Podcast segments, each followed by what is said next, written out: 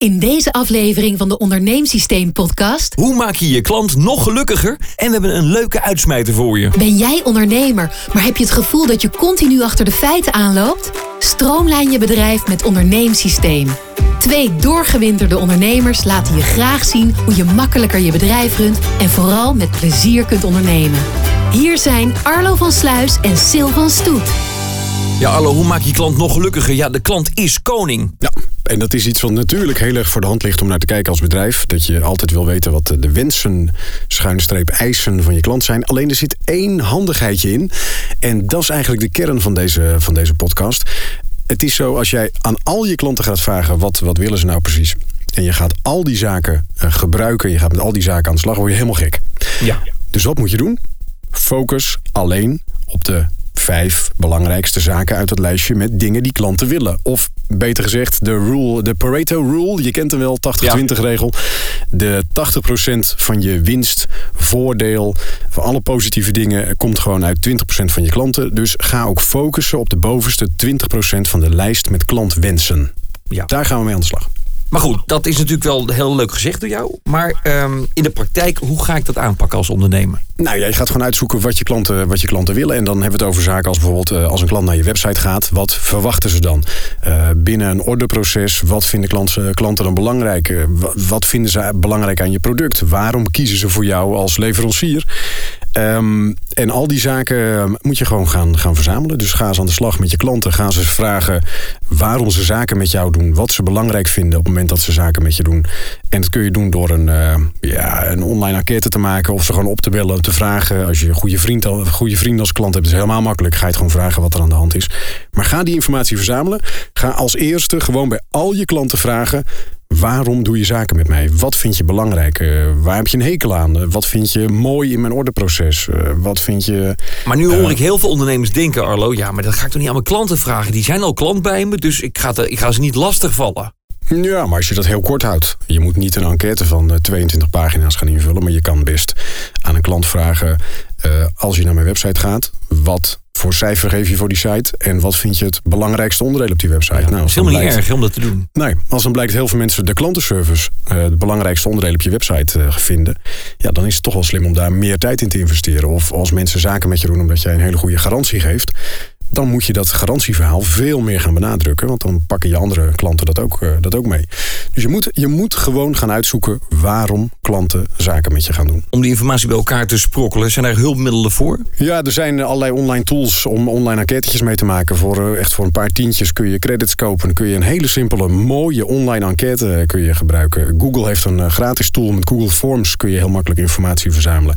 En het, je moet niet een, een, een- onderzoek van een half uur bij een klant gaan doen. Maar als ze drie dingetjes moeten aanvinken, doen ze dat, eh, doen ze dat best. Of als jij eh, een orderproces hebt afgerond en je stuurt een klant een mailtje van... joh, Leuk dat je bij ons hebt besteld.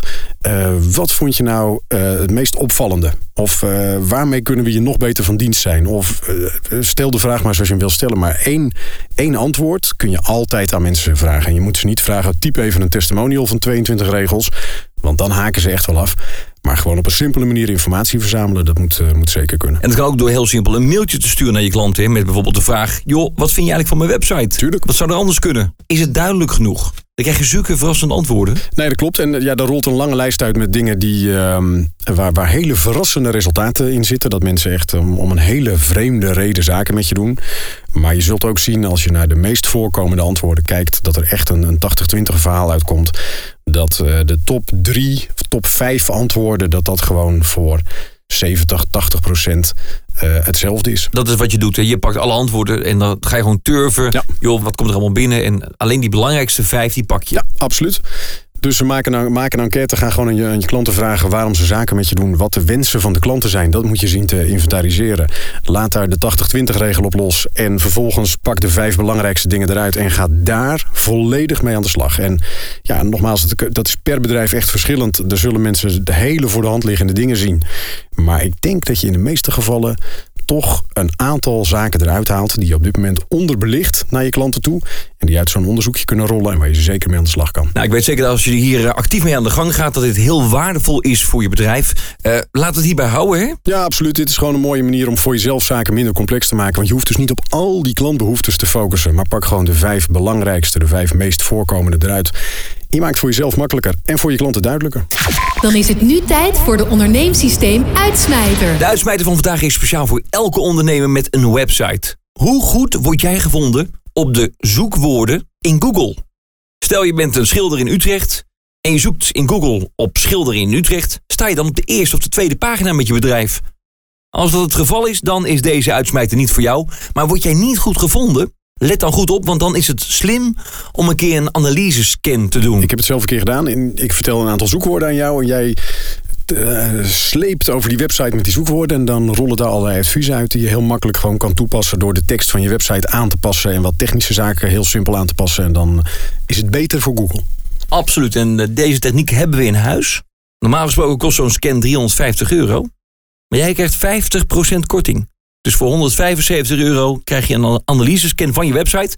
En je krijgt toegang tot een online dashboard. Als je dan dingen die in het rapport staat verbetert op je website, dan kan je gelijk kijken wat dat voor jouw site doet in de zoekresultaten. Is dat wat voor jou, Arlo? We gaan nu met een nieuwe, nieuwe website starten om uh, DJ's uh, te boeken. En daar beginnen we echt mee vanaf, uh, vanaf nul. Dus dat is weer een hele puzzel. Dus ik zou graag weer een analysescan van jou afnemen. Dat gaan we zeker regelen. Ga, ga gewoon naar metsto.nl, M-E-D-S-T-O. Vul de foutjecode in onderneemsysteem. En krijg 50% korting. En zorg ervoor dat je beter gevonden wordt. Dat lijkt me een hele goede insteek voor het komend jaar, toch? Volgende keer in de Ondernemingssysteem podcast de reverse agenda. Oftewel de omgekeerde agenda. Ja, klinkt vaag hè, als je het zo zegt. Uh. Ja, dus uh, start je met het einde bedoel je dan, of niet? Ja, dat als je, als je iets gaat doen, en ik ga er nu niet te veel over vertellen... maar als je iets gaat doen, dan ga je dus eerst voor jezelf bedenken... zo gaat het eruit zien, dit is het eindresultaat... en uiteindelijk ga je daar naartoe werken. Dus eigenlijk een beetje de omgekeerde manier van werken.